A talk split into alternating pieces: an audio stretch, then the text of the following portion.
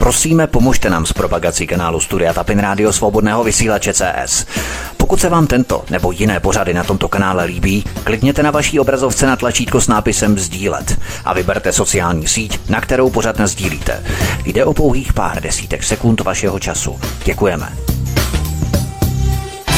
Příjemný, krásný, dobrý večer, dámy a pánové, milí posluchači. Posloucháte svobodný vysílač Studio Tapin Radio. Od mikrofonu vás zdraví Vítek. Vítejte na našem eh, rádiu anebo na kanále Odyssey. Pokud jste tak ještě neučinili, tak vás prosím, abyste se zaregistrovali právě na tento necenzurovaný svobodný kanál a zvolili tlačítko odebírat v rámci tohoto kanálu, abyste nezmeškali i další díly pořadu, cyklu pořadu, který vysíláme právě teď. A tak vás znovu vítám při poslechu druhého dílu, tentokrát krvavé historie CIA. V minulém díle jsme si položili základy prvních operací CIA, kterými se tato agentura učila režírovat a orchestrovat vyvolávání nepokojů a občanských válek v případě, kdy nějaký režim ohrožoval americké zájmy. Podívali jsme se na Irán v roce 1953, kdy CIA vyvolala svržení Mohameda Mossadeka, nastolila režim Šáha Rezi Páhlavního, Potom jsme se podívali na Guatemalu v roce 1954, o rok později, opět svržení Jakobo Armánze Guzmána. V roce 1960 to bylo Kongo, to byla další třetí operace a svržení Patrice Lubumby nebo snahy o likvidaci Fidela Castra na Kubě také od roku 1960.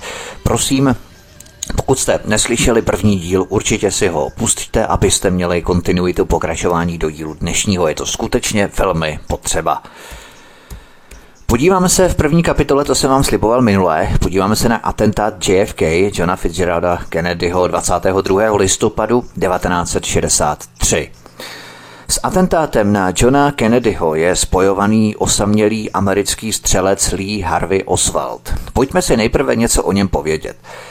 V pátek 27. září 1963 v 11 hodin dopoledne vstoupil do kanceláře kubánského konzulátu mladý američan – Řekl Sylvii Duranové, že se jmenuje Lee Harvey Oswald a že potřebuje kubánské transitní výzum. Oswald oznámil Duranové, že plánoval odjet za tři dny a zůstat na Kubě několik týdnů. Poté se hodlal přesunout do Sovětského svazu.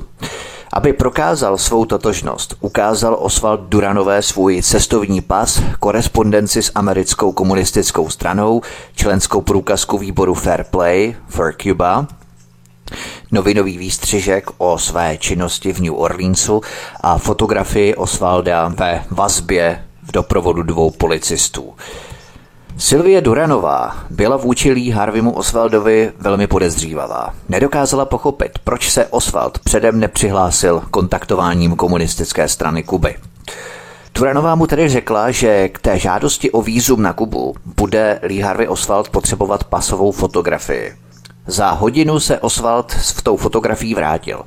Durenová potom Osvaldovi řekla, že mu nemůže vydat transitní výzum bez potvrzení, že má povolení k cestě do Sovětského svazu. Osvaldovi bylo řečeno, že bude trvat nejméně sedm dní, než mu bude transitní výzum vydané.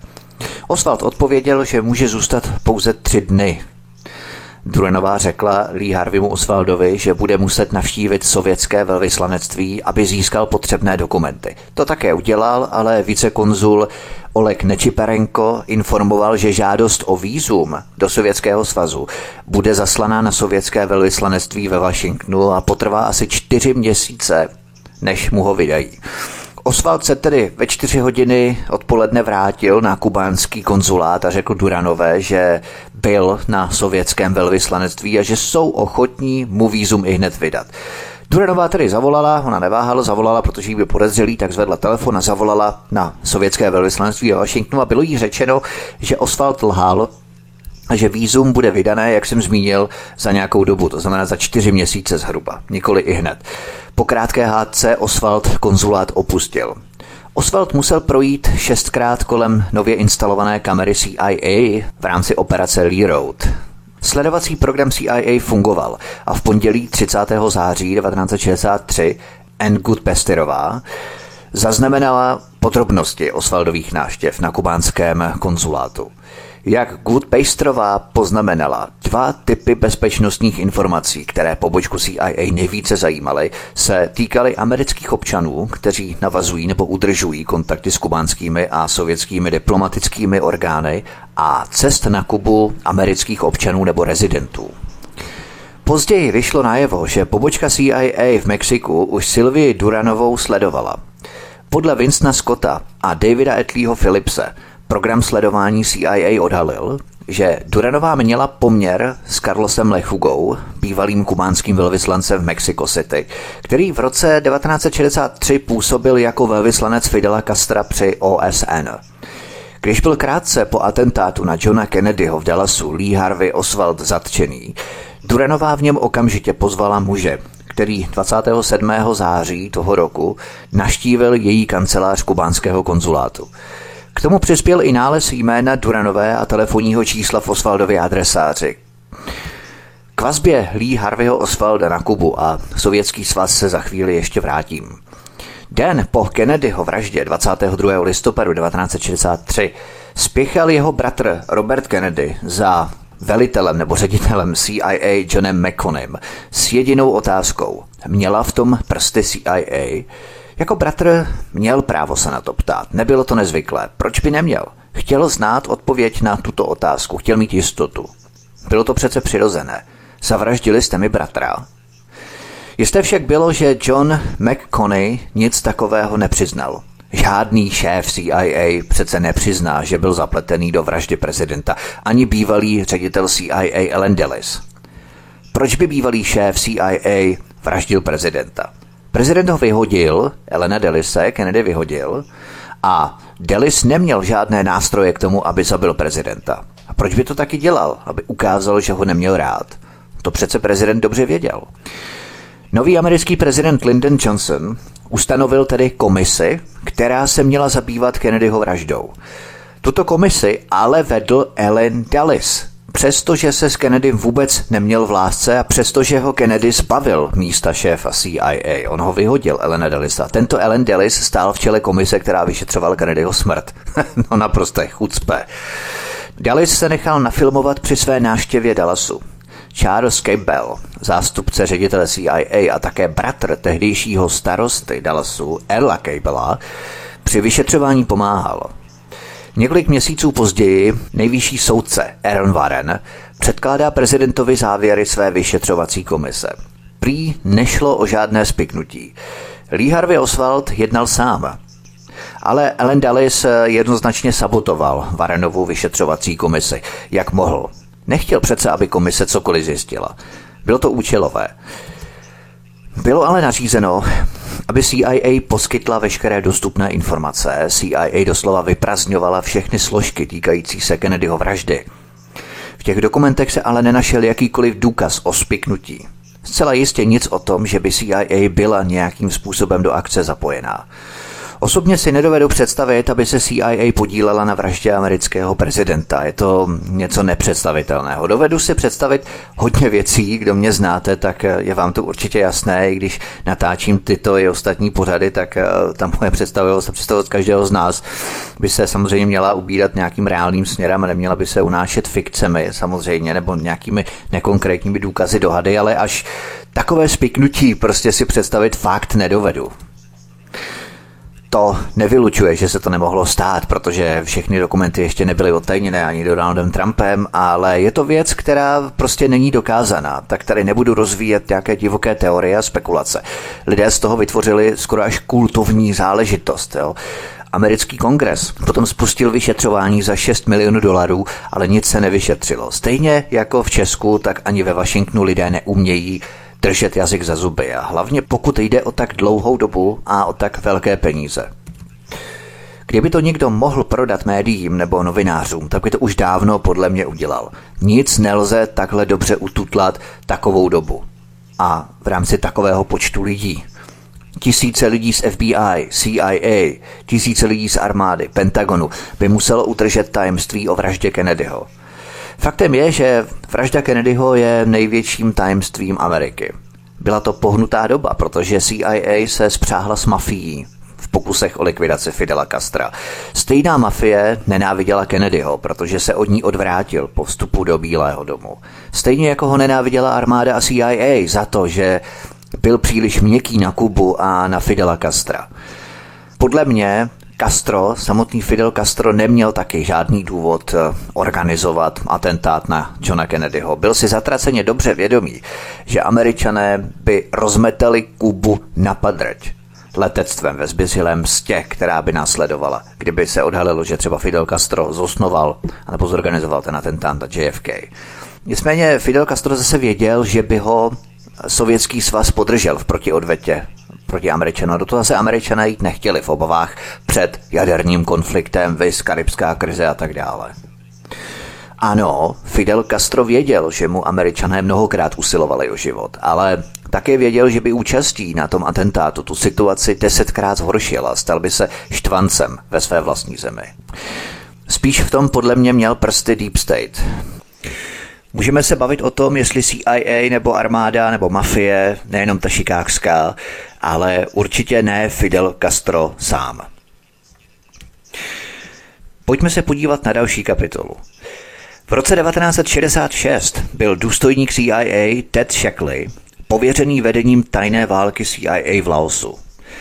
Svým zástupcem jmenoval Tomase Kleinse. A právě v tomto okamžiku se Ted Shackley a jeho tajný tým včetně tedy Toma Kleince a dalších lidí, které vám postupně představím, aby těch jmen nebylo pro začátek příliš, tak představím jenom ty dva, tak jeho tajný tým se zapojovali do obchodu s drogami. Činili tak prostřednictvím generála Wang Pa, vůdce protikomunistických sil v Laosu. Wang Pao byl hlavní postavou obchodu s opiem v Laosu.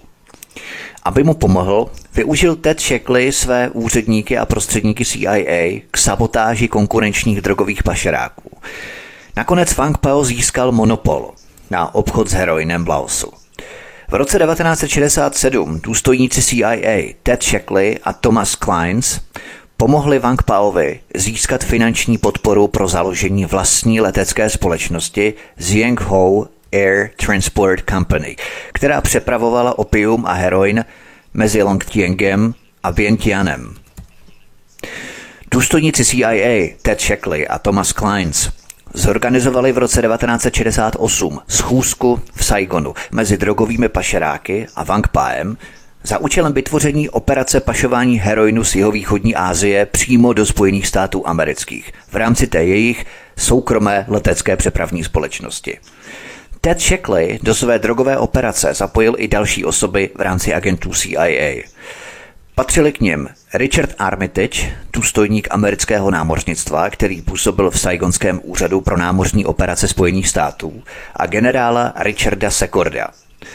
Od konce roku 1973 do dubna 75 vypláceli Ted Shackley Thomas Kleins a Richard Armitage z tajného opiového fondu Wangpa se sídlem v Laosu mnohem více peněz, než bylo potřeba k financování velmi intenzivního projektu Phoenix ve Větnamu.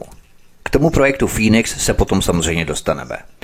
Peníze, které převyšovaly částku použitou ve Větnamu, generál Richard Secord a agent CIA Thomas Kleins tajně propašovali z Větnamu ve velkých kufrech a převezli je do Austrálie, kde je uložili na tajný osobní bankovní účet, ke kterému měli soukromý přístup Ted Shackley, Thomas Kleins a Richard Secord, agenti CIA. Ve stejném období mezi lety 1973 až 75 Agenti CIA Ted Shackley a Thomas Kleins způsobili, že tisíce tun amerických zbraní, munice a výbušnin byly tajně vyvezené z Větnamu a uložené v tajné skrýši ukryté v Tajsku. Tyto peníze se s pomocí Rafaela Quintera, dalšího agenta CIA, dostali do Nagen Hand Bank v australském Sydney. Tuto banku, Nagen Hand Bank, založili Michael Hand, agent CIA v Laosu, a Frank Nagen, australský podnikatel. Po konci války ve Větnamu roku 1975 byl námořní důstojník Richard Armitage vyslaný agentem Tedem Shacklem z Větnamu do Teheránu. Richard Armitage zřídil v Iránu tajný finanční kanál uvnitř Iránu, do kterého mohly být ukládané tajné finanční prostředky na drogy Wangpa z jeho východní Asie. Tento kanál sloužil jako prostředek pro tajné financování Šekliho tajného týmu soukromých černých operací tzv. Black Ops CIA v Iránu určených k vyhledávání, identifikaci a vraždění socialistických a komunistických sympatizantů, které Ted Shekli a členové jeho tajného týmu považovali za potenciální teroristy proti iránské vládě Šáha Rezi Páhlavího v Iránu. Na přelomu let 1975 a 76 si Ted Shackley a Thomas Kleins najeli dalšího agenta CIA, Edwina Wilsona, aby odcestoval do iránského Teheránu a vedl v Iránu tajný protiteroristický program atentátů zmíněného tajného týmu agentů CIA. Musíme si uvědomit, že tehdejší iránský režim byl dosazený CIA od roku 1953. To jsem právě řešil v tom prvním díle ohledně Alana Delise a Kermita Roosevelta juniora, vnuka Theodora Roosevelta, bývalého amerického prezidenta, který byl důstojníkem právě této akce Ajax v roce 1953 proti Mohamedu Mosadekovi, jeho svržení a nastolení vlády Rézy Šáha Páhlavího. Určitě si vzpomínáte na tu operaci Ajax a svržení socialisty Mohameda Mosadeka. Šáhův režim byl dosazený a udržovaný Američany a proto tu Američané mohli provozovat takovéto polovojenské žoldácké podniky. Tyto tajné podniky financovaly z peněz získaných z pašování drog předtím v Laosu a jeho východní Asii. Takže agent CIA Edwin Wilson, který jel předtím v drogách v Laosu, Teď vedl tajný protiteroristický program v Iránu na příkaz teda Shekliho a Tomase Kleinse, dalších agentů CIA. S nimi jel také v drogách generál Richard Secord a o něm teď bude řeč. Totiž v roce 1976 se generál Richard Secord přestěhoval do iránského Teheránu a stal se náměstkem náměstka ministra obrany v Iránu, který měl na starosti blízkovýchodní divizi Úřadu pro podporu bezpečnosti obrany. V této funkci generál Secord fungoval jako hlavní operační důstojník amerického ministerstva obrany na Blízkém východě, který měl na starosti zahraniční vojenský prodej amerických letadel, zbraní a vojenského vybavení blízkovýchodním zemím, které byly spojenci Spojených států amerických. V letech 1977 až 79 provozoval námořní důstojník Richard Armitage firmu s názvem The Far East Trading Company – tato společnost The Far East Trading Company byla ve skutečnosti pouhou zástěrkou pro Armitageovy operace, vyvádějící peníze z funkpových obchodů s opiem z jihovýchodní Asie do Teheránu a do Nagin Handbank v Austrálii, aby financovala tzv. protiteroristický program vražd tajného týmu Tera Shekliho a Tomase Kleince, agentů CIA. Jen opět připomenu, že Nugget Hand Bank byla australská banka, kterou založili agent CIA v Laosu Michael Hand a australský podnikatel Frank Nugget a v této bance prali obrovské peníze z drog z jihovýchodní Asie. Tento tajný tým stále využíval Nugget Hand Bank pro krytí svých nelegálních zisků z prodeje drog a zbraní. Tato australská Nugget Handbank byla vážně zajímavá. O té si teď něco povíme, abyste poznali takzvanou strukturu, jakým způsobem CIA a další rozvědky perou peníze a samozřejmě získávají z drog. Prezidentem této Nugget Handbank byl admirál Earl Eads, bývalý náčelník štábu pro strategické plánování amerických sil v Asii. Dalšími řediteli banky byli dále třeba Dale Holmgren, který také pracoval pro Civil Air Transport, což byla společnost vlastněná CIA, a generál Edwin Black, velitel amerických jednotek v Tajsku během války ve Větnamu.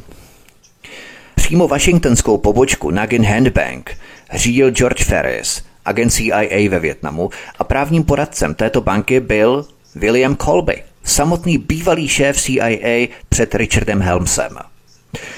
Banka se postupně rozrůstala, měla dokonce pobočky nebo filiálky ve 13 zemích světa. Banka se ale bankovní činností zabývala jenom velmi málo. Co ale dělala, bylo schromažďování, přesouvání, vybírání a vyplácení velkých částek peněz. V roce 1980 byl australský podnikatel a spoluzakladatel banky Frank Nagin nalezený mrtvý ve svém autě. Ve stejné době zmizel i jeho spoluzakladatel Michael Hand, bývalý agent CIA tedy. CIA brutálně likvidovala po sobě stopy, aby tito dva zakladatelé banky nemohli mluvit. Australské úřady byly nucené tu banku vyšetřovat. zjistili, že Ricardo Chávez, bývalý agent CIA, který byl spolu s dalšími agenty CIA Thomasem Kleinsem a Rafaelem Quinterem spolumajiteli společnosti Epi Distributors, které se také potom dostanou, se pokoušel banku ovládnout. Komise pro korporátní záležitosti Nového Jižního Velsu dospěla k závěru, že Cháve zpracoval ve prospěch Tomase Kleince, Rafaela Quintera a Edvina Wilsona. Jenže tato komise nebyla schopná nebo možná ochotná proskoumat spojení mezi CIA a bankou Nugget Bank. Tady vidíme zcela jasné průkazné materiály, jak důstojníci a agenti CIA obchodovali s heroinem, kokainem, opiem, drogami, prali peníze přes banky, odváželi je v kufrech, bez celních kontrol do Austrálie, dokonce si spolu s laoským pašerákem Bank Paem zřídili vlastní soukromou aerolinku, pomocí které převáželi ty drogy opět bez celních kontrol přímo do Spojených států amerických. Vyprané peníze z drog měly zašité v australských kontech, ke kterým měli přístup nejenom agenti CIA, ale i místní podnikatel Frank Nagin. Prostě něco naprosto otřesného. Takto nějak podobně to podle mého celých 20 let CIA prováděla třeba v Afghánistánu, což jsem probídal ve druhém díle mého dvoudílného speciálu o 11. září a dostanu se k tomu ještě ve finální čtvrté epizodě tohoto cyklu Krvavá historie CIA velmi podrobně, akorát, že ještě nemáme k dispozici kompletní analýzu a rozbor jmén, kanály, částky peněz, banky, jaké účty to byly pašeráci a přepravci a tak dále, ale ještě vám povím, jak taková pračka firm agentů CIA funguje po světě, protože tato schémata jsou víceméně pořád stejná. Tajný tým agentů CIA, to znamená Ted Shackley, Thomas Kleins, generál Richard Secord, Ricardo Chávez, Rafael Quintero, Albert Hackin, Edwin Wilson, William Francis Beckley a Richard Armitage založili po celém světě několik společností a dceřiných firm, jejíž prostřednictvím utajovali operace tajného týmu. Mnohé z těchto společností byly založené ve Švýcarsku. Některé z nich byly například Lake Resources Incorporated, The Stanford Technology and Trading Group Incorporated a kompanie Du Services Fiduciaria. Další společnosti byly založené ve Střední Americe, například CSF Investments Ltd, znamená Limited, Audel Research Corporation a tak dále. A některé z těchto společností byly založené přímo ve Spojených státech amerických Edwinem Wilsonem. Byly to třeba Orca Supply Company na Floridě a Consultants International ve Washingtonu DC. Prostřednictvím těchto společností tajný tým vypral stovky milionů dolarů z tajných peněz z obchodu s opiem přes pašeráka Pal z Laosu v jeho východní Asii. Takto ale fungují schémata všech globálních praček peněz světové mafie. Posloucháte druhý díl cyklu Krvavé historie CIA od mikrofonu svobodného vysílače Studia Tapin Rádio vás zdraví vítek, písnička je na cestě, po ní pokračujeme, hezký večer. Písnička nám dohrává, jsme tu opět zpátky od mikrofonu svobodného vysílače Studia Tapin Rádio vás zdraví vítek, posloucháte druhý díl cyklu Krvavé historie CIA. Takto ale fungují schémata všech globálních praček peněz světové mafie. Nemusíme konec konců chodit daleko. Na veřejnost se vynořila zajímavá napojení ředitele České televize Petra Dvořáka na spolumajitele Kellnerova PPF, tedy býval Kellnera PPF Ladislava Bartoníčka. Petr Dvořák je totiž finálním majitelem firmy Globe Invest One a to opět s pověřením ředitele PPF Ladislavem Bartoníčkem. A teď to začne být zajímavé. A na tom je krásně možné ověřit, jak to ti globalističtí kádři umí zašmodrchat ty různé majetkové struktury, vlastnické struktury a propojení, stejně jako ti agenti CIA předtím. Protože majitelem této holandské Globe Invest One je další nizozemská společnost Tilia Netherlands Holding PV se sídlem na stejné adrese jako Globe Invest One. Tu Tiliu vlastní nizozemská společnost, další nizozemská společnost Eyelid Holding PV, se sídlem také na stejné adrese v Nizozemsku. Tuto společnost vlastní potom kyperská společnost Griffiths Invest Limited, kterou vlastní pro změnu česká společnost Pafos Invest SRO a tuto českou Pafos Invest SRO, tu společnost vlastní dva bývalí manažeři PPF, Zbyněk Štěrba a Petr Havlíček. A tuto českou společnost Pafos Invest SRO vlastní další, ale jiná kyperská zase společnost Mechiny Holdings Limited, kterou vlastní společnost Verde Trading Incorporated se sídlem na britských panenských ostrovech na adrese, která vede k řadě podniků známých z Panama Papers. Já to uvádím jenom jako příklad, jak je velmi obtížné s těmi zašmodrchanými propojeními, části akciemi, vlastnických práv, pověření a majetkových strukturách na mezinárodní úrovni rozplést tu stopu, jak za sebou globální mafie tu stopu zametá. Druhý příklad také z Česka. Na začátku tzv. pandemie roku 2020 Ministerstvo zdravotnictví ještě za času Adama Vojtěcha a zhnutí ano tedy kupovalo za státní miliardy pro nemocnice desetinásobně předražené čínské respirátory FFP2, nevhodné pro zdravotníky, od prázdných schránek s neznámými vlastníky, s jednateli bílými koňmi v exekucích a bydlištěm na radnici, anebo sídlících v daňovém ráji, v tomto případě například Belize. La Factory SRO z Lanškrouna respirátory za 1,2 miliardy korun. Hradce a Prague SRO respirátory za 310 milionů korun. Deso Investments SRO Praha respirátory za 300 milionů korun. Tyto firmy byly prázdné schrámky, nevykazovaly žádnou činnost, neměly zaměstnance a minimální nebo žádné tržby. Podrobně to tu nebudu rozvádět, brzdil bych spát příběhu. Další třetí příklad české ČSSD a jenom střípek napojení na globální světovou mafii. Pamatujeme si na firmu Tardigrad International Consulting, která vyhrála soutěž ministerstva vnitra Jana Hamáčka ČSSD na dodávky antigenních testů pro děti ve školách. Ta firma Tardigrad International Consulting to vyhrála za, tuším, 230 nebo 240 milionů, to znamená skoro čtvrt miliardy. Ano, a teď tato firma Tardigrad International Consulting má sídlo v hotelu na letišti v Ruzini, donedávna neexistovaly žádné roční uzávěrky a její základní kapitál byl tisíc korun. Přesto získala státní zakázku za 238 milionů korun. Začínala ve Skotsku, pak přesídlila do Dubaje v Arabských Emirátech, sídlo měla také v ukrajinské metropoli v Kijevě. Údajně byla tato firma Tardigrad International Consulting napsaná od jejího vzniku, tedy od roku 2016, na britskou firmu Tardigrad International LP Limited. Jména osob, které britskou matku v minulosti ovládaly, byly Janet St. Luciová a Deborah Merina Grantová, obě s dominikánským pasem. Zmíněné osoby založily stovky společností s neznámými vlastníky. A tomuto čeští socani zadali čtvrt miliardovou státní zakázku. Shell Company, skořápka jak zemen, daňové ráje, nedohledatelní vlastníci, anonymní akcie, prání peněz ve stejném schématu jako agenti CIA nebo ředitel České televize Petr Tvořák a jeho napojení na Lukáše Bartoníčka z PPF. ČSSD je napojená na skupinu třeba čínské mafie, doslova a do písmene. Čtvrtý příklad, který uvedu. Jaroslav Tvrdík z ČSSD s Marcelou Hrdou sedí ve společnosti Lapasan SRO. Společnost Lapasan SRO spoluvlastní evropskou část čínské společnosti Citic European Holdings AS, ve které opět sedí náš Jaroslav Tvrdík nebo Marcela Hrdá. Vedle Číňanů ze Šanghaje nebo Pekingu tu působí Chatou Khan – Chá Tou Khan s hongkongským pasem je jedním z hlavních exponentů futienské mafie z Číny, který byl zapletený do úplatků v milionech dolarů diplomatům OSN.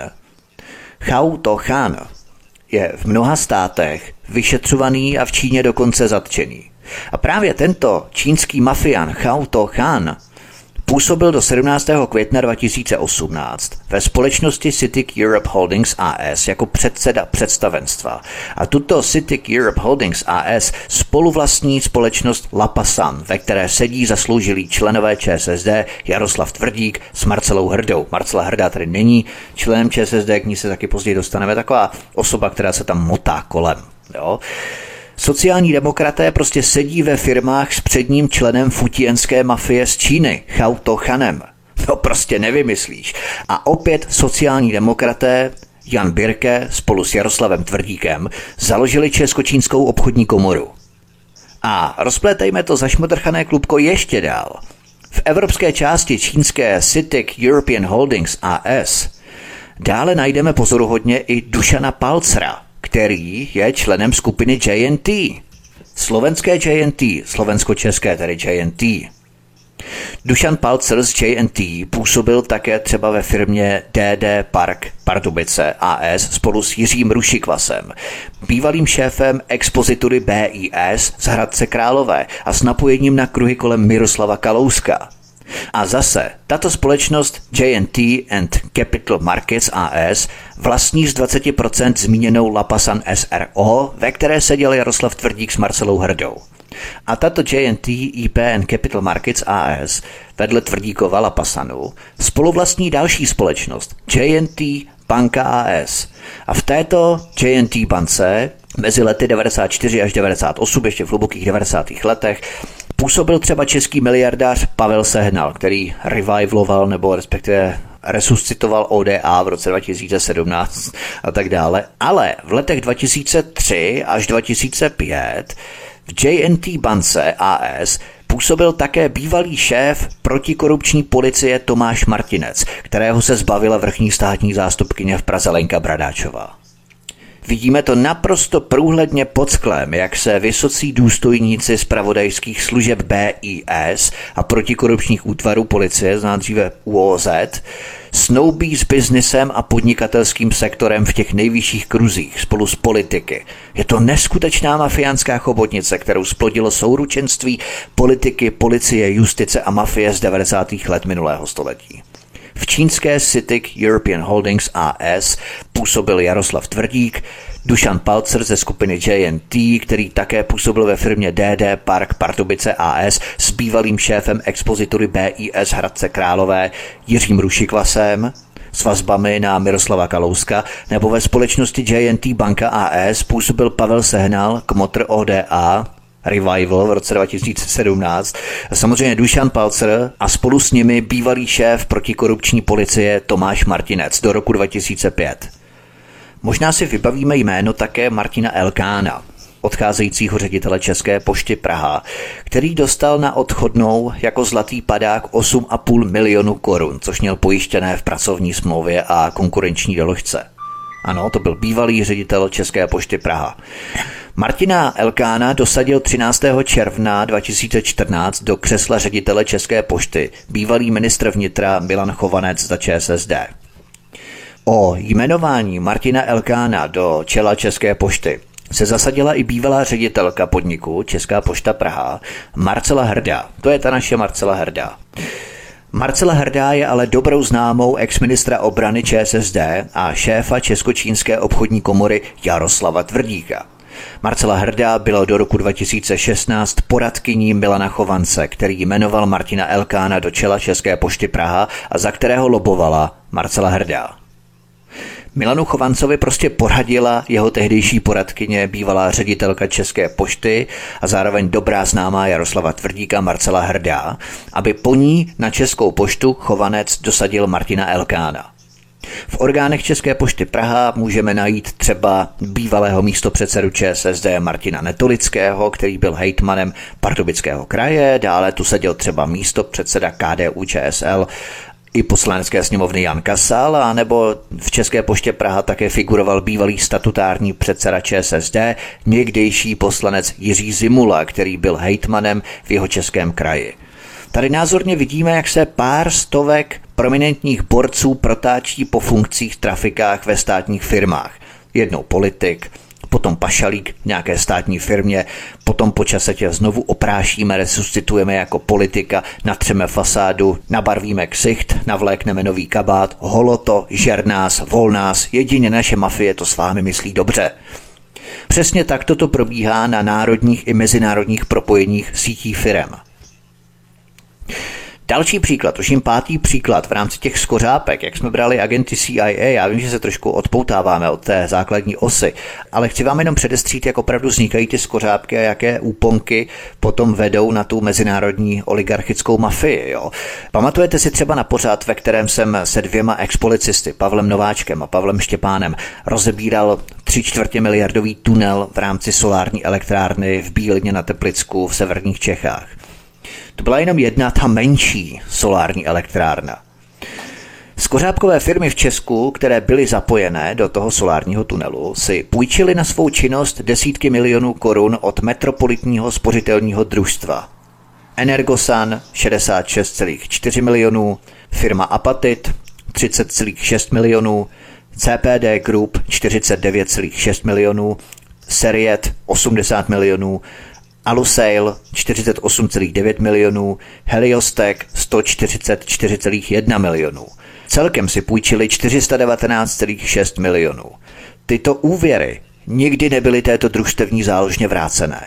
A v roce 2013 tato družstevní záložna zkrachovala. Majitelé vydělají na státem garantovaných výkupních cenách solární energie v příštích 20 letech, to na teď už 10 letech, nejméně 343 milionů korun. To znamená, půjčili si 419 mega, které nevrátili, použili družstevní záložnu a vydělají 343 milionů korun. Celkem vydýžovali tedy sakum prásk 3 čtvrtě miliardy. Opět perfektní skořápky.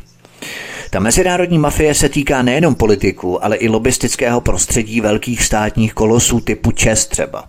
Šestý příklad. Polostátní firma ČES utratila v minulých letech za investice, především na Balkáně, přes 70 miliard korun. Ne milionů, ale miliard korun na Balkáně.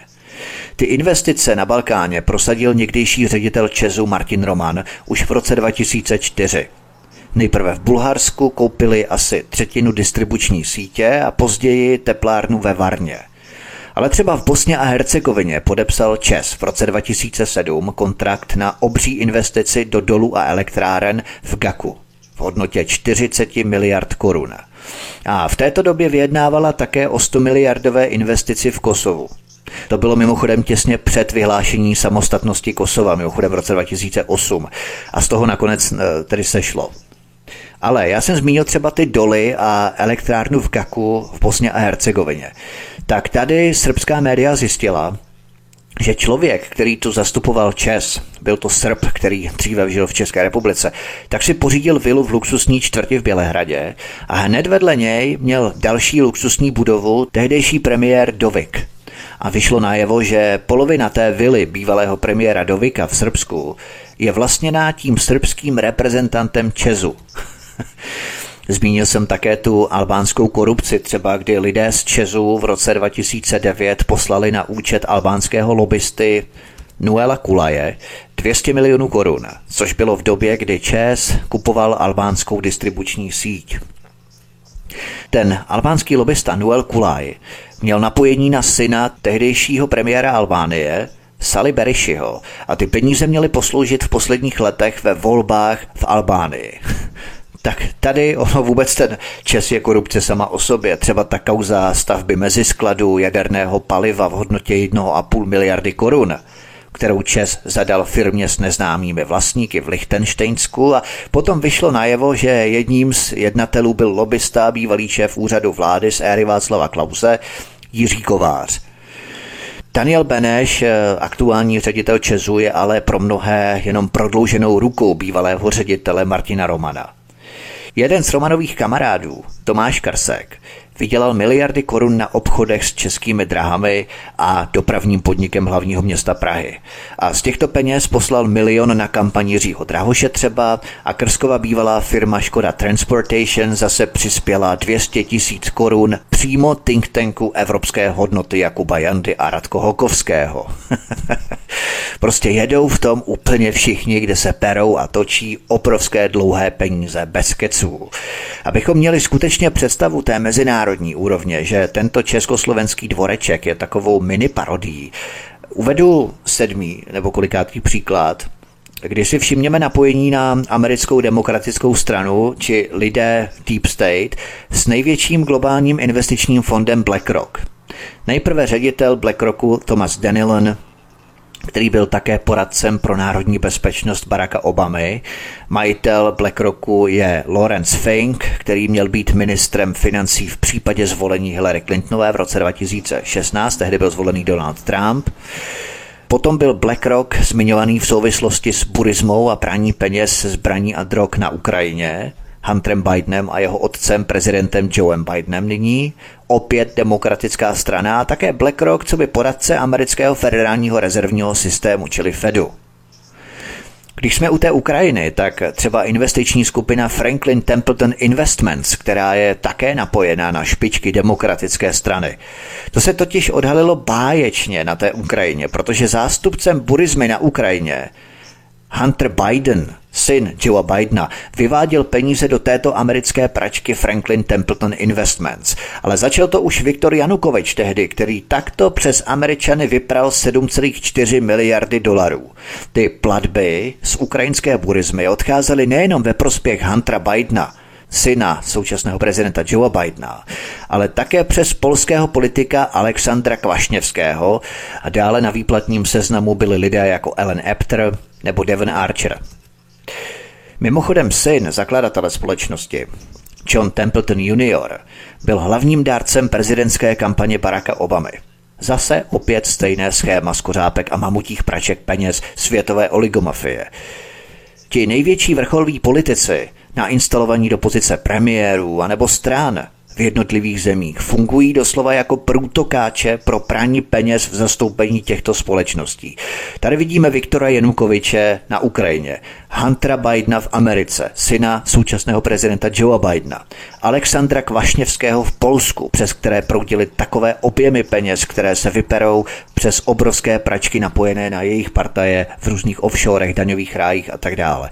A to se týká i Česka v rámci Templetonových narací, protože je to jeden velký světový organismus mafie. Měli jsme tu společnost Franklin Templeton Investments, velká pračka pro demokratickou stranu Spojených státech amerických. Ale máme tu také Templetonovu nadaci v Oxfordu. To si musíme ale také trochu podrobněji vysvětlit. V Česku působí nakladatelství Ekonomia AS. Zdeňka Bakaly. To víme všichni, spadá pod něj řada médií a serverů, nebudeme je všechny jmenovat. A v Bakalově nakladatelství Ekonomia působil dlouhá léta sekundant mediálního magnáta Ruperta Mardoka, který spadal do bankéřského rodu Rothschildů. Tím člověkem byl Andrew Knight. Andrew Knight byl skutečně vysokokalibrový člen skupiny Bilderberg. Působil třeba v britském deníku The Economist, potom The Daily Telegraph Group, ale také hlavně v The Rothschild Investment Trust. Andrew Knight z Bakalovy akademie také působil v mezinárodních think tankzích, jako třeba Center for Policy Studies, Royal Institute for International Affairs, známý jako Chatham House, anebo Oxfordské Ditchley Foundation – v rámci inaugurace Sekira House v areálu Oxfordské univerzity se zřízení lavičky Václava Havla v roce 2014 účastnil třeba i Karel Schwarzenberg, další člen Bilderbergu, kámoš Andrew Knighta z Bakalovy ekonomie. Takže ty vazby tady jsou velmi intenzivní a je tady vidět, jak to ti internacionalisté, ti globalisté mají naprosto geniálně obšlápnuté, protože s Andrew Knightem Nastoupil do statutárních funkcí v Bakalově ekonomii AS také jeho syn, diplomat Casimir Knight.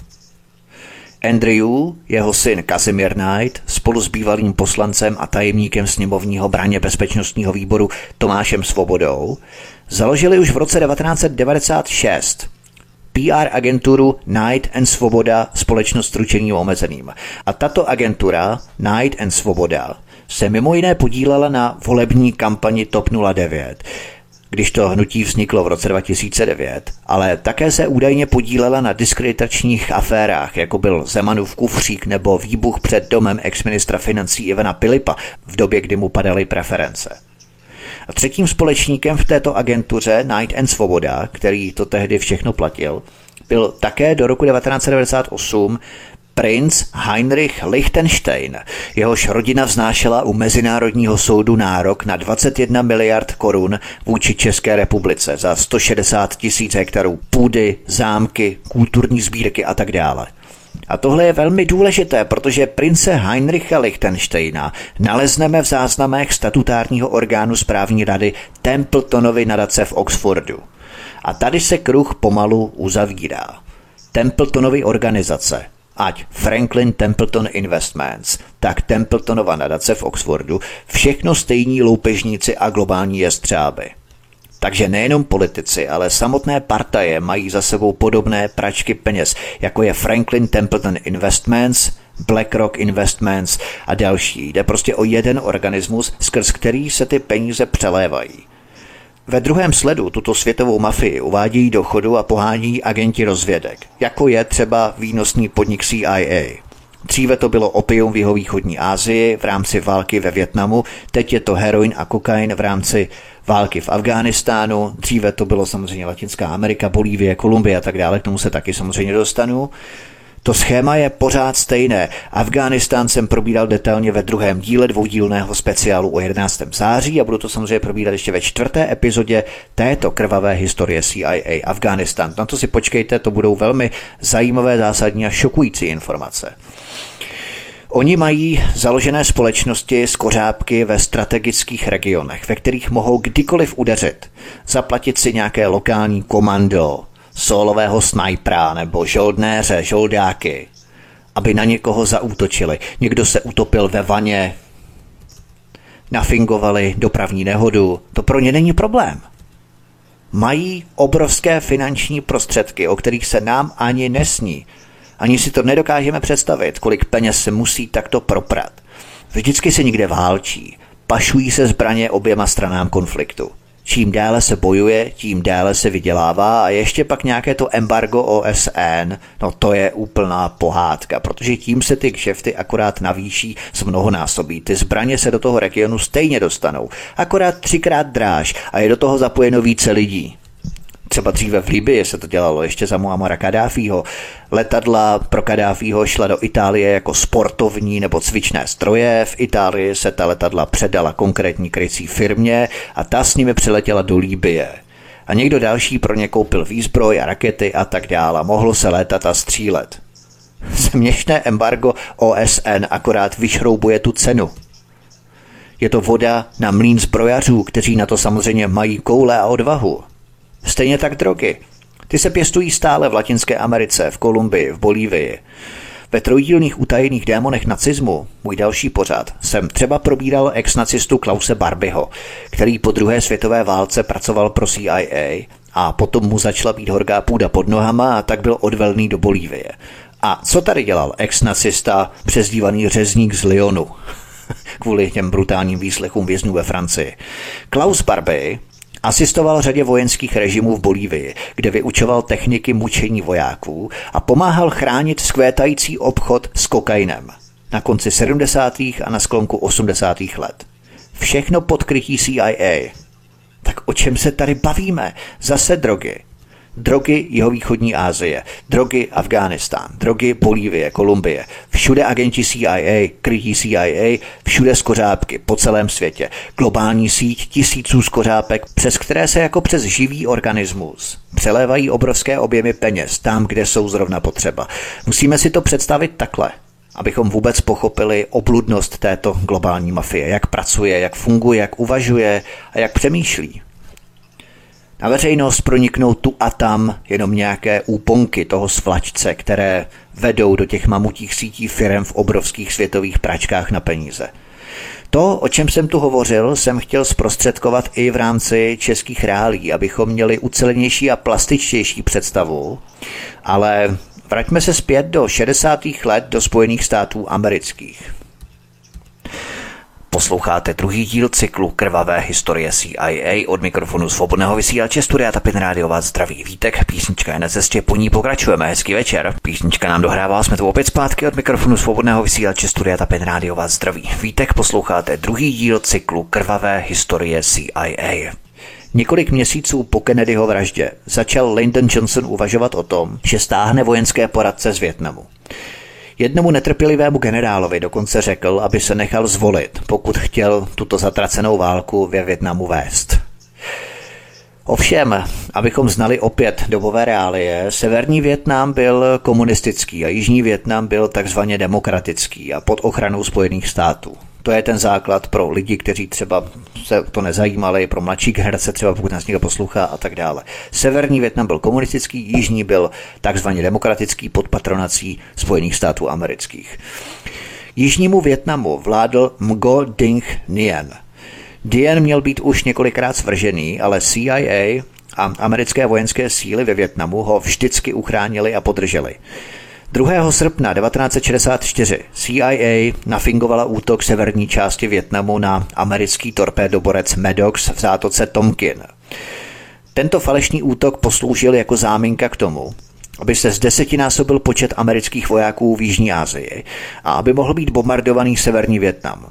Všímáte si podobnosti operace Northwoods na Kubu, kterou smetl John Kennedy. Fingovaný útok jako záminka pro napadení Kuby. Uplynulo pár let a máme tu fingovaný útok na americký torpédoborec Maddox v zátoce Tomkin. Přesně podle scénáře operace Northwoods. Až na to, že nešlo o letadlo, ale o mnohem jednodušší zinscenování útoku na loď. Dokonce kapitán tohoto amerického plavidla odeslal zprávu, že o žádném útoku nevěděl. On pročítal své předchozí zprávy, myslel si, že je možné, že bojoval proti přeludu a Pentagon a prezident Lyndon Johnson se rozhodli tyto zprávy ignorovat. Samotného kapitána tohoto plavidla Maddox. Použili události v zátoce Tomkin jako záminku pro válku. A to vedlo k rezoluci, která hodně věcí změnila. To jistě. Byla to prostě jenom záminka k eskalaci války a nehoda byla použitá k ospravedlnění dalších operací. Teď víme, že to byla lež. V té době panovalo podezření a později bylo potvrzené, že to byla jenom záminka, naprosto nepravdivá informace. Ve Větnamu spustili informaci Phoenix. Zmínil jsem tu vysokého důstojníka CIA, Teda Shackleyho, a právě tento Ted Shackley, který spustil a respektive rozjel tu pračku drog, obrovskou pračku drog v jeho východní Asii s Wang Paem, s největším pašerákem, tak právě tento Ted Shackley, agent CIA, zaměstnal dalšího agenta CIA, Davida Moralese, aby převzal vedení a velení v Paxe, což byla základna pro černé operace zaměřená na politické polovojenské akce v Laosu. V roce 1969 se agent CIA Ted Shackley stal náčelníkem pobočky CIA ve Větnamu a vedl program Phoenix. CIA dostala nařízení, aby si vybírala cíle mezi civilním obyvatelstvem jenom proto, aby paralizovala zemi. Specialisté CIA školili týmy, jak terorizovat populaci vyvražďováním učitelů, lékařů a obchodníků. To je vzor této svobody, ctnosti a vznešené demokracie. Každá vražda nesla jasný rukopis. Pokaždé, když udeřilo tohle vražedné komando, nechávalo na těle obětí esovou hrací kartu. Většina obětí byla před vraždou mučená. Agent CIA William Colby velel této operaci Phoenix s vražednými komandy. A právě tento William Colby se zřejmě za odměnu potom dostal do samého vedení CIA několik let na to. Úkolem operace Phoenix bylo zničení Větkongu. Oni chtěli odstranit kohokoliv, kdo byl s Větkongem jakkoliv spojený. Nehovořím o vojácích, ale hovořím o civilistech. Byl to krvavý masakr, strategické vesničky, spacifikování rolníků, prostě součást politického plánu. Byla to jednoduše tajná operace, která byla namířená na oslabení snách severního Větnamu. Jeden z amerických vojenských poradců, Barton Osborne, vypověděl před parlamentním gréniem, cituji, Tisíce větnamských civilistů, kteří se ocitli v podezření, že pomáhají komunistickým gerilám nebo se prostě zdržovali v nesprávnou dobu na nesprávném místě, byli mučeny a zabíjeny jenom proto, aby se naplnili kvóty. Nevím o žádném vězni, který by výslech přežil. Zemřeli všichni. Většinou byli umučení k smrti nebo svržení z vrtulníků. Osborne nazval tuto operaci Phoenix sterilním neosobním vražedným programem, který je srovnatelný s hrůzami nacismu. Churchův výbor, který se v roce 1975 znovu zabýval rolí CIA v rámci operace Phoenix, dospěl k závěru, že od začátku roku 1968 do května 71 padlo za oběť 20 587 Větnamců. Během čtyř let se počet vojáků ve Větnamu zvýšil z 20 tisíc na 540 tisíc. Bývalý zaměstnanec Pentagonu předal deníku New York Times složku obsahující důvěrné informace o zapojení Američanů ve Větnamu a odhalil tak lži Johnsonovy vlády. Tam šlo o to v této aféře, v této kauze, že američané vtrhli do Kambodži tehdy a bombardovali cíle v Kambodži, a Pentagon na to Margo vytvořil falešné záznamy a v těchto falešných složkách stálo, že američané bombardovali Větnam. Přitom oni velmi dobře věděli, že bombardovali Kambodžu. To bylo ještě před válkou ve Větnamu. Oni si spletli občanskou válku s válkou proti komunismu. Stálo to 55 tisíc amerických životů a milion větnamských životů. Američané tehdy porušili ženevskou dohodu. Dopustili se válečných zločinů a lidé ve Spojených státech si neuvědomovali, že to všechno se dělo jejich jménem. Jen velmi málo lidí tehdy vědělo, jakých strašných věcí se CIA dopouštěla. Pojďme na další kapitolu. Operace Chaos, Chaos, která začala za prezidenta Lyndona Johnsona, expandovala za jeho nástupce Richarda Nixona. Vzala si na mužku levičáky a rozvracičské živly, které byly údajně ovládané zahraničními mocnostmi. Všímáte si té stejné terminologie, jakou nás krmili i u nás. Přisluhovač imperialismu, zahraniční agent, placený západem. A naproti tomu američané pěsnící o levičácích a rozvracičských živlech. Tyto totality, jakkoliv se mohou tvářit lidumilně, prozradí používání jazyka, hecující fráze, kterými chtějí vytvořit ráj na zemi, ale ve skutečnosti pořádají hony a pokromy na kohokoliv s jiným názorem. Ostatně stejně jako dnes. Pořád si všímejme té terminologie, která prozradí tu totalitu. Štváč placený Kremlem, ruský agent, to znásilnění jazyka ve prospěch totalitního myšlení má pořád stejný manuskript, stejný tentýž rukopis. CIA tehdy sledovala řadu let přes 10 tisíc Američanů. Sledovala jejich pohyb, odposlouchávala telefony učitelům, studentům, novinářům a politickým vůdcům. Speciální jednotky se násilím dostávaly do budov, prohledávaly hroby a otevíraly korespondence lidem, jejíž jediným prohřeškem bylo, že nesouhlasili s politikou vlády. Opět, co nám to jenom připomíná. Operace Chaos. Stejný rukopis těch vznešených vlajkonošů demokracie, stejně jako KGB nebo tehdejší STB, stejné identické postupy likvidace odporu proti režimu. Nejenom CIA, ale veškerá americká rozvědka sledovala děti, sledovala svou moc, FBI vyšetřovala skupiny lidí jenom proto, že šlo o určité skupiny. Neměla žádné informace o tom, že by byly nezákonné nebo že by se podíleli na nezákonných operacích nebo je plánovali. To byla součást americké operace Chaos, Chaos. Zhatit jakýkoliv protest, jakoukoliv námitku proti politice vlády. Vzali si na mužku protiválečná hnutí a novináře vystupující proti vládě. Mnohé z nich odposlouchávali. Operace se zaměřila na řadu lidí. Byly dokonce vytvářené seznamy nepřátel. To má v historii mnohých zemí dlouhou tradici, stejně jako i u nás. CIA tyto věci prováděla na příkaz prezidenta Lyndona Johnsona. Ti, kdo viní CIA, by měli vinit také prezidenta Johnsona a jeho vládu. Nebyla to spravodajská rozvědka, která se vymkla kontrole.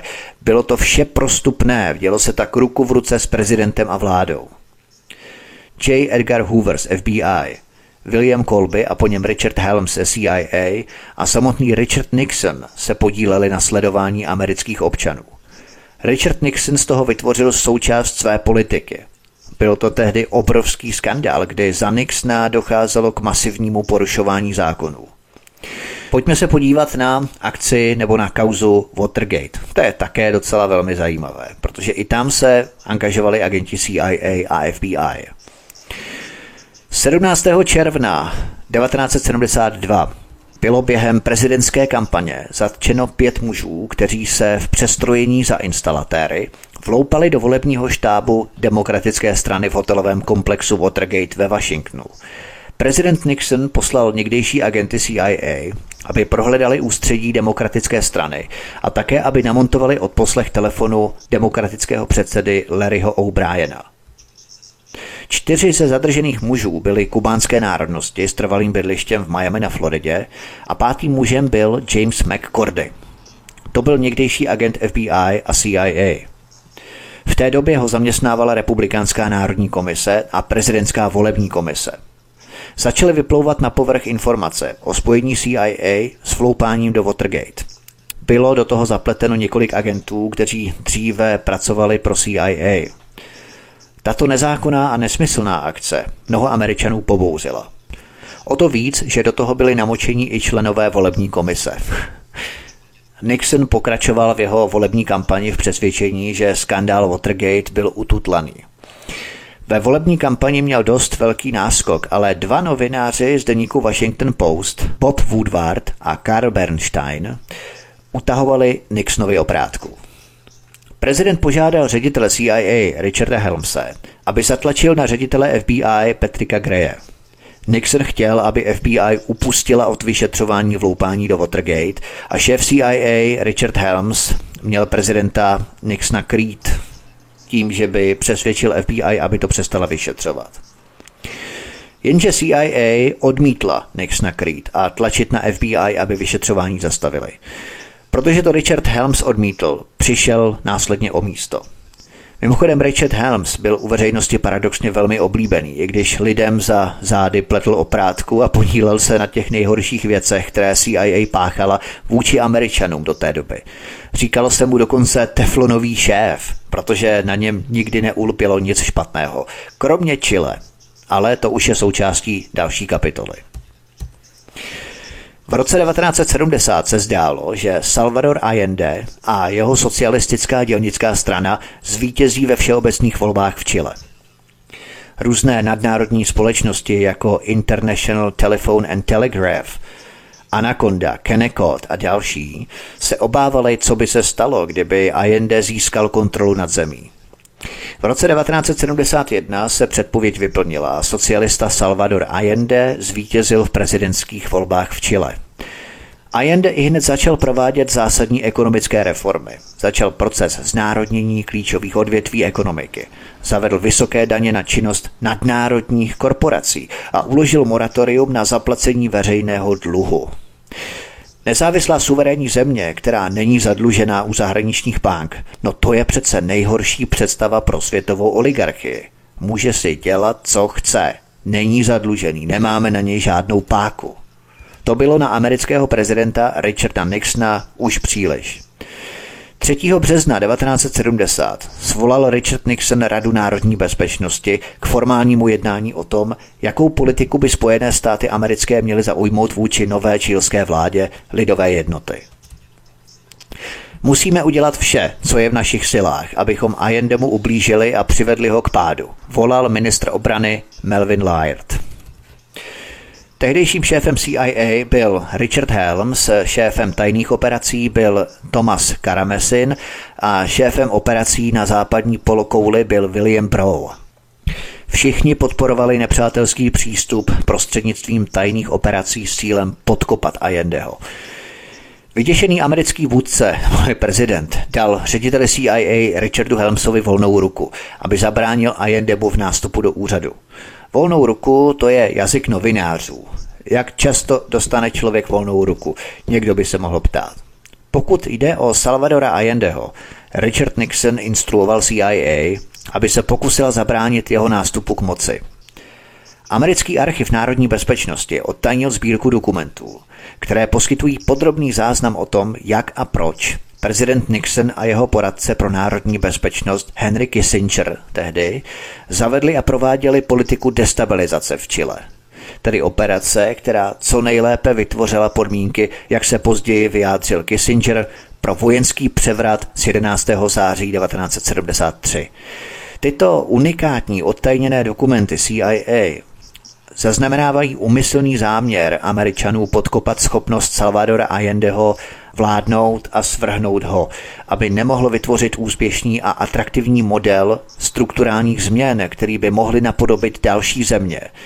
Jednoduše američané měli strach nejen ze znárodnění telefonní společnosti v Chile, v jejich vlastnictví, ale také z toho, že by se čilský systém stal vzorem pro další země Latinské Ameriky, které by ho chtěli napodobit. A tady musíme chápat hloubku amerického uvažování, které nejlépe interpretují tyto dokumenty. Totiž, jak se uvádí v odtajněných dokumentech, Kissingerova hlavní obava ohledně Allendeho spočívala v tom, že byl, cituji, svobodně zvolený, což ponechávalo Spojeným státům jeden malý prostor pro to, aby se otevřeně postavili proti jeho vládě jako nelegitimní a vytvořilo by to další precedens, který by mohli následovat další země. Tady vidíme tu zvrácenost amerického uvažování, kdy faktor, který zužoval jejich manévrovací prostor, byl ten, že Allende byl svobodně zvolený. Jim prostě vadilo, že byl svobodně zvolený, demokraticky zvolený. To je ta představa o americké svobodě a demokracii. Jim to prostě vadilo, že byl svobodně zvolený a to jim svazovalo ruce. Prostě svobodné demokratické zvolení Allendeho byl pro Američany přitěžující faktor. To je popřední úplného fundamentu svobodných voleb a demokracie, ze které američané tak rádi školí zbytek světa. Buď úplatky korumpováním a když to nepomůže, tak bombami a raketami. Kissinger tehdy varoval, to je neskutečná mentalita těch psychopatů opravdu, jo, deprivantů. Kissinger varoval tehdy, že Allendeho modelový efekt mohl být zákeřným příkladem úspěšně zvolené marxistické vlády v Chile, což by jistě mělo dopad a dokonce precedentní hodnotu na další části světa, zejména na Itálii. Na podobivé šíření podobných jevů jinde by zase významně ovlivnilo světovou rovnováhu a naše vlastní postavení v ní, uváděl Kissinger v těch odtajněných dokumentech. Takže podle Američanů jiný než kapitalistický režim musí být potlačený. Třeba, že překážkou byly nějaké svobodné volby. Všechny prachy korporacím, nic pro lidi, prostě američané jsou stále latentní fašisté a nacisté, vyznávající korporatokracii. Tu chtějí ordinovat zbytku planety. I to stačilo k podkopávání demokratických voleb. Prý korektní, ale za to chladná diplomacie, co by vzkaz Allendemu. To je prostě neuvěřitelné. CIA tedy vyvolávala v čilské společnosti zmatek. Ekonomický a společenský chaos. Chtěli poskytnout záminku armádě, aby svrhla vládu. Nikdo nezmiňoval přímo vraždu Allendeho, ale šlo pouze o snahy zbavit ho moci. Při té destabilizaci a vyvolávání chaosu se využívaly soukromé korporace, CIA, vojsko, americká ambasáda v Chile, prostě úplně všechno. Američané třeba v tichosti zablokovali bankovní úvěry pro Chile a ukončili americké vývozní úvěry a půjčky. Američané také manipulovali s mezinárodní tržní hodnotou hlavního čilského vývozu mědi a tím ještě více poškodili čilskou ekonomiku.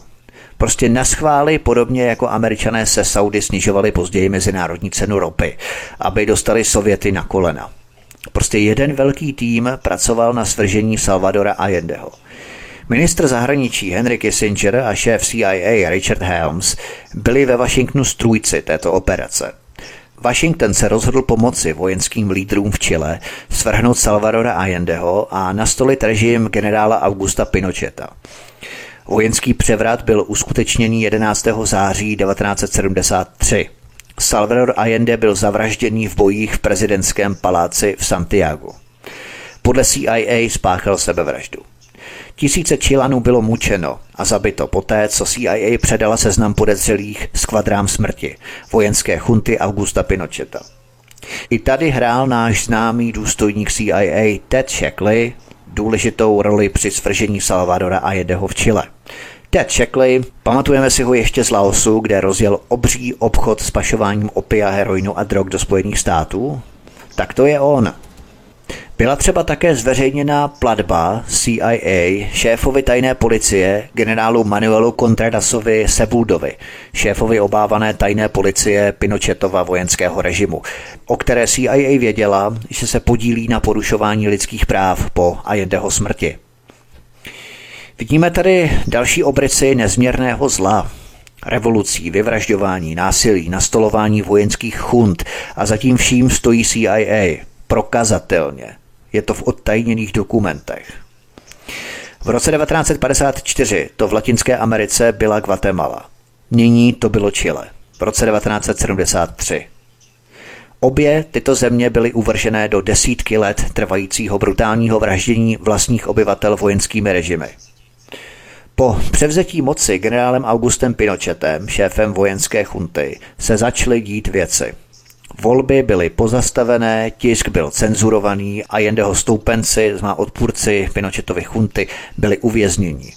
Byla zřízená mučící centra. Fotbalové zápasy na stadionech v Santiago nahradili popravy. Mrtvoly byly splavované po řece Mapacho.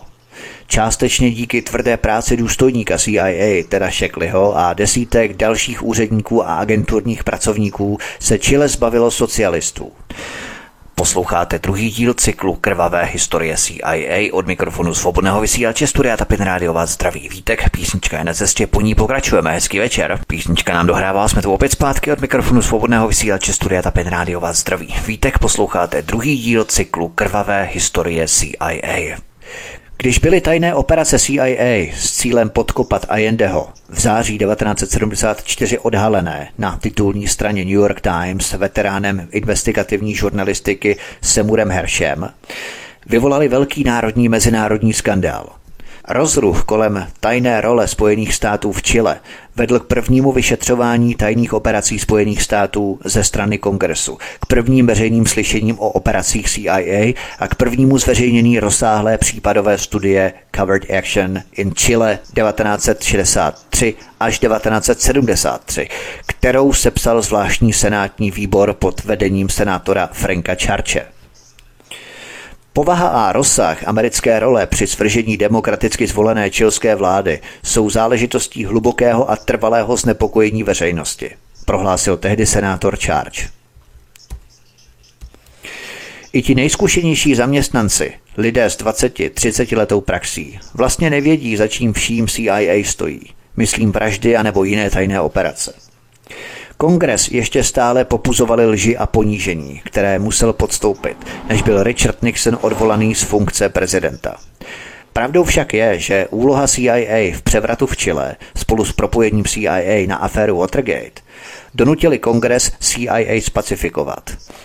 V roce 1975 začal Senátní výbor pro zahraniční vztahy vyšetřovat CIA Senátor Stuart Silmington se Richarda Helmse zeptal, zda se agentura podílela na odstranění Salvadora Allendeho. Helms odpověděl záporně a trval také na tom, že nepředával žádné peníze Allendovým odpůrcům. V roce 1976 došlo k výslechům vedoucích pracovníků CIA nezávislými komisemi. Amerika byla doslova zděšená tehdy. Šlo o mezník v americkém politickém životě. Už to nikdy nebude stejné, protože odhalení byla doslova šokující. Jedna ze zpráv popisovala, jak CIA podporovala generála Augusta Pinocheta při svržení vlády socialisty Salvadora Allendeho.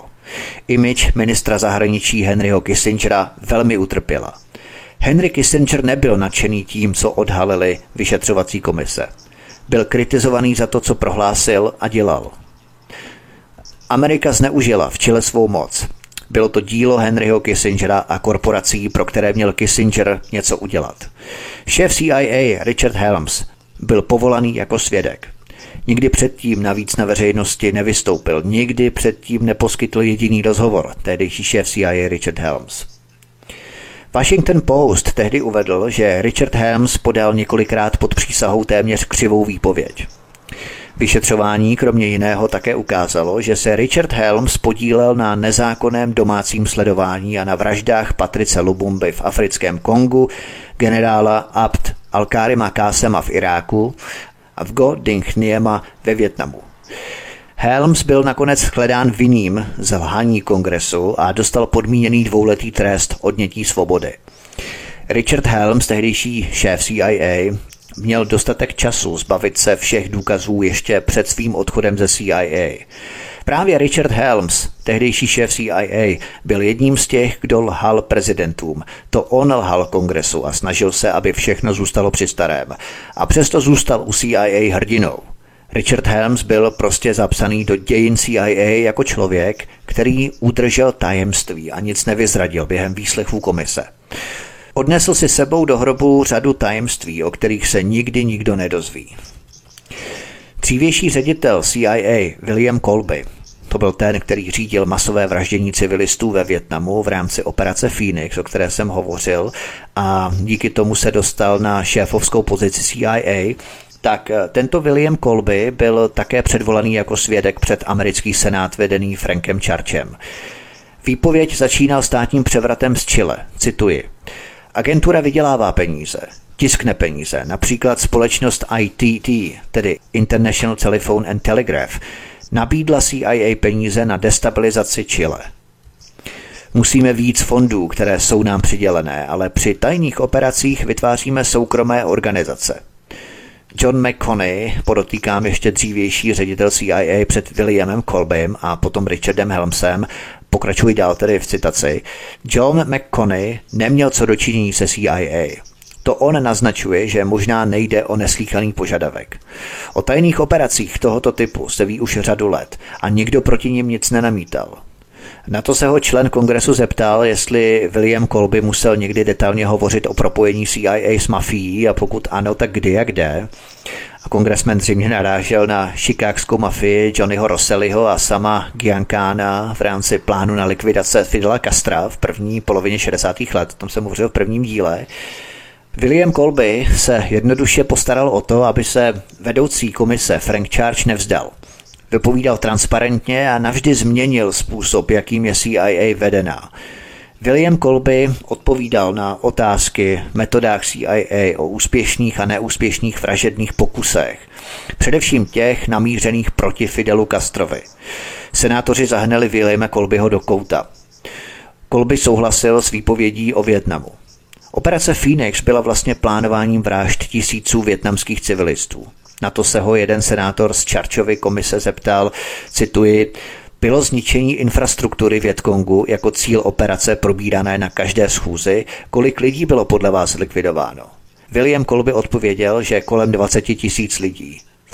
Ve své závěrečné zprávě, vydané v dubnu 1976, dospěl výbor pro studium vládních operací s ohledem na spravodajskou činnost k závěru, cituji, Vnitřní spravodajská činnost ohrožuje a podkopává ústavní práva Američanů na svobodu projevu, združování a soukromí. Dělo se tak především proto, že nebyl uplatňován ústavní systém kontroly zneužití moci. Já jsem poslouchal hodiny záznamů těch výpovědí, jsem četl přepisy, transkripce těch výslechů, jsou to stohy materiálů v písemné podobě a zvukových nahrávek a snažím se prostě skutečně vybrat jenom to nejpodstatnější, protože bychom se zbytečně dlouho na těchto výsleších zasekli, zdržovali.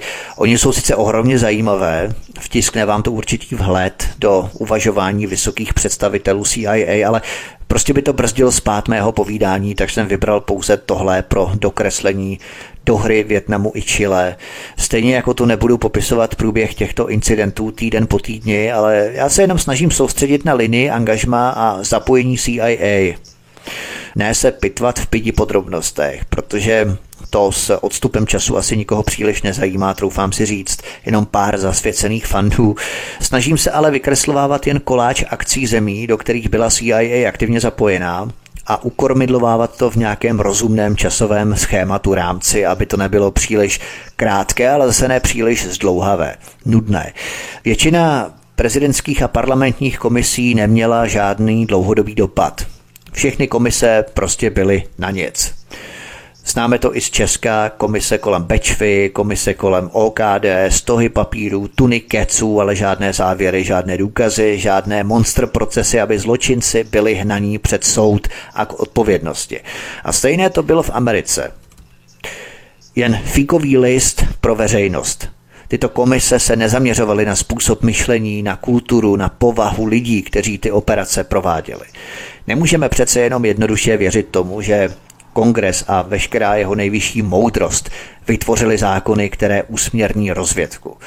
Když jsem si pročítal výsledky té Čarčovy komise, tak jsem zjistil, že všechno, co CIA dělala, vycházelo od prezidenta. Od prezidentů tedy.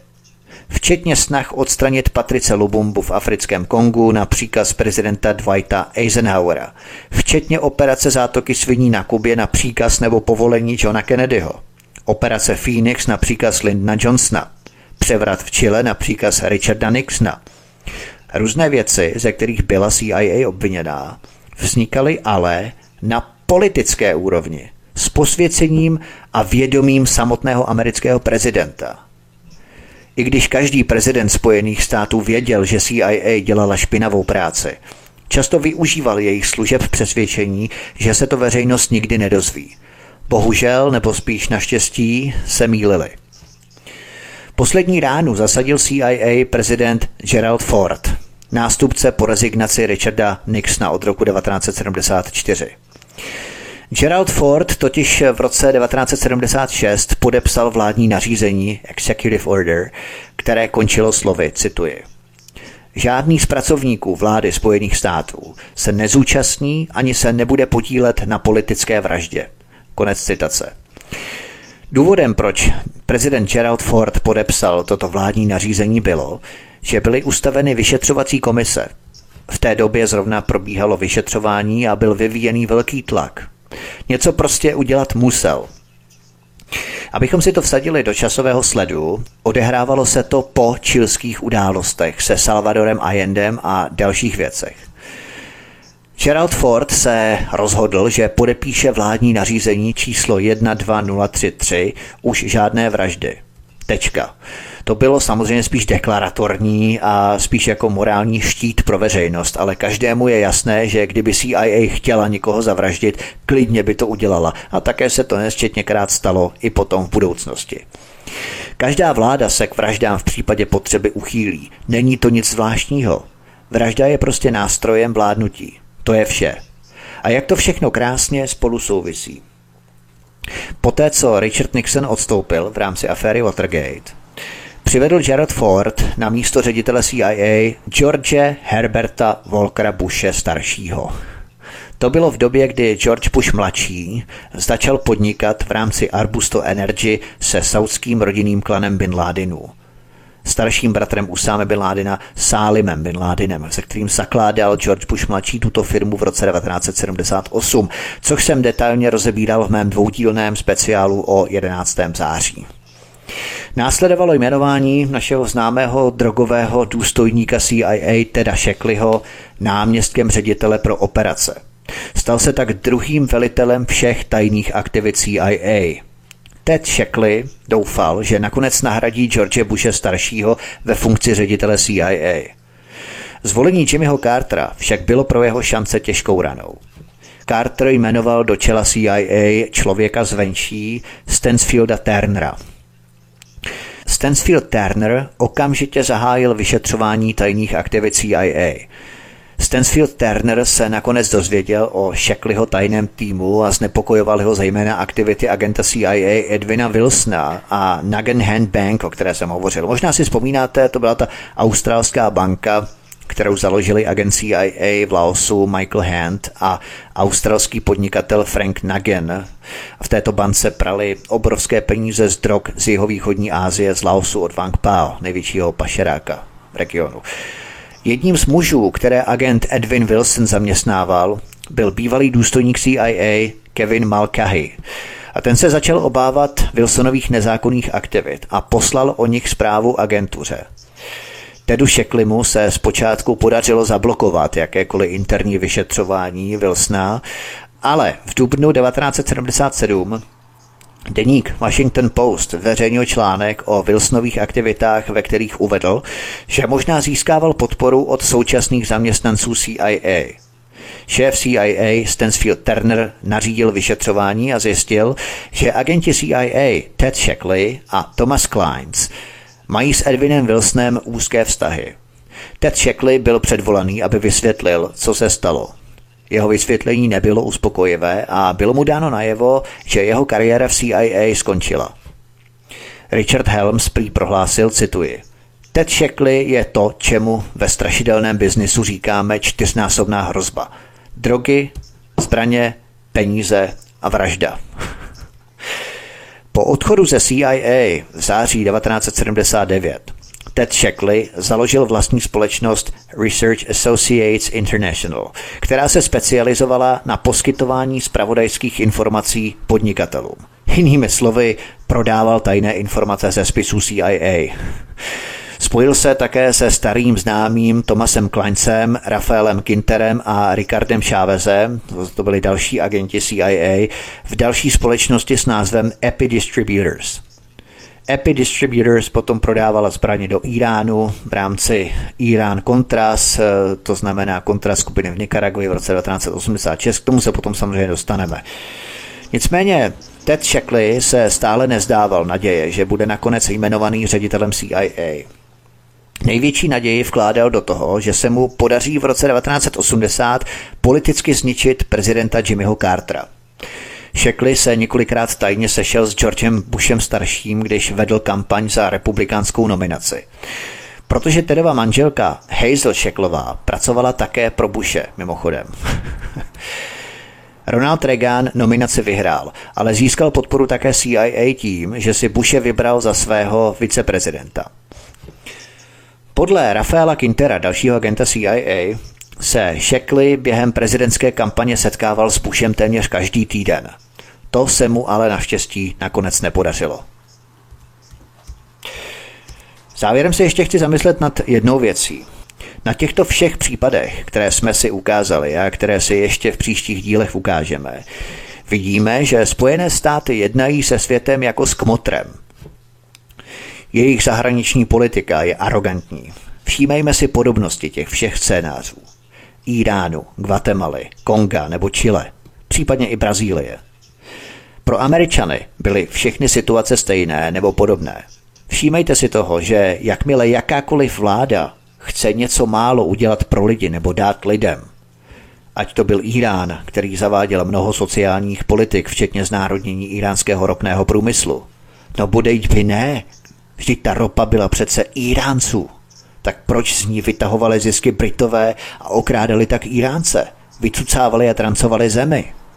Nebo ať to byla Guatemala, která chtěla zavést vývozní daně na tropické ovoce a věnovala pár set hektarů neobdělávané navíc půdy, těm nejchudším farmářům, rolníkům, i když ta půda patřila americké společnosti United Fruit tehdy. Ale zase ta půda byla guatemalská, stejně jako ropa byla iránská, stejně jako nerostné bohatství a přírodní zdroje byli Konga, respektive lidí z Konga, stejně jako si Čilané zvolili Salvadora Allendeho s jeho sociálními reformami. Vždycky přišli američané, aby v zemi rozpoutali občanskou revoluci, vyprovokovali občanské nepokoje, atmosféru, pomohli svrhnout vládu a nainstalovali novou, skorumpovanou vládu, která jim dovolí opět ždímat, drancovat tu zemi a plenit, vytahovat zisky. Musíme si chtě nechtě ptát, jaké hodnoty prosazuje americká říše, empire, která nedovolí za žádnou cenu, aby se lidé měli aspoň trochu lépe.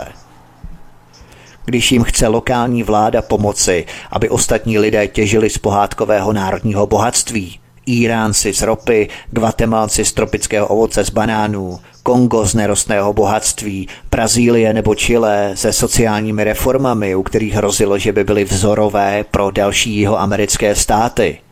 Ne, to je přece komunismus. Američtí patrioti vyprovokují revoluci, svrhnou vládu a nainstalují si novou, kterou sformují, aby mohli dál vytahovat a ždímat zisky, trancovat a plenit. A pak mě může šlak trefit, když nějaký přemoudřelý politolog a ekonom na mainstreamu tlachá slinta něco o ropném prokletí, že země bohaté na ropu a lidé v ní jsou neuvěřitelně chudí a nic z toho nemají, anebo že v Latinské Americe jsou skorumpované chunty, které bohatnou, zatímco lidé krvácejí a umírají. No bodeď by ne. Když kdykoliv ty vlády chtěly něco z národního bohatství postoupit lidem, Okamžitě nastartovali američané, aby všechno opět běželo ve starých kolejí a nainstalovali nějakou jimi skorumpovanou chuntu jenom proto, aby všechny zisky a peníze proudily jim. Spojené státy podle odhadů použili svou moc ve 30 zemích světa. Je to stejně jako s naším litiem v Krušných horách. Obrovská naleziště litia. Na naše litium měla zálusk australská Australian Metals Holding, která byla jenom skořápka. To byli spekulanti a ve skutečnosti zatím stál obří mamutí globální investiční fond BlackRock. to jsme také už tady probíhali v rámci BlackRocku napojeného demokratickou stranu americkou. A komu by mělo sakra zatraceně to litium patřit? Kdo by z něj měl mít zisky? No přece Češi, protože je to naše české litium pro boha. Stejně jako zisky z české vody nesmí přece proudit na soukromé účty zahraničních koncernů typu Veolie. Jenomže pro Američany, a všímám si, že i pro pár českých propagandou zmagořelých imbecilů, je tohle všechno komunismus. Tito kryptonacisté budou do krve hájit zahraniční kapitál, nadnárodní korporace, pobláznění různými libertariány a neoliberálními ekonomickými poučkami, že jde o svobodu podnikání. Tohle přece není žádná svoboda podnikání, to je drancování státu ve prospěch nadnárodního kapitálu a korporací. A co to je? No to je přece nacismus a fašismus.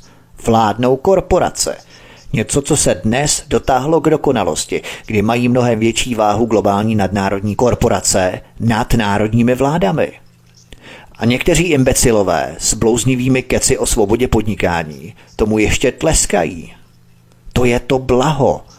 Dokud dřete jako dobře promazaný řetěz pro soukolí nadnárodního kapitálu, jste poslušným občanem, neremcáte, stojíte v řadě, stojíte frontu na jehlu, všechno je v pohodě.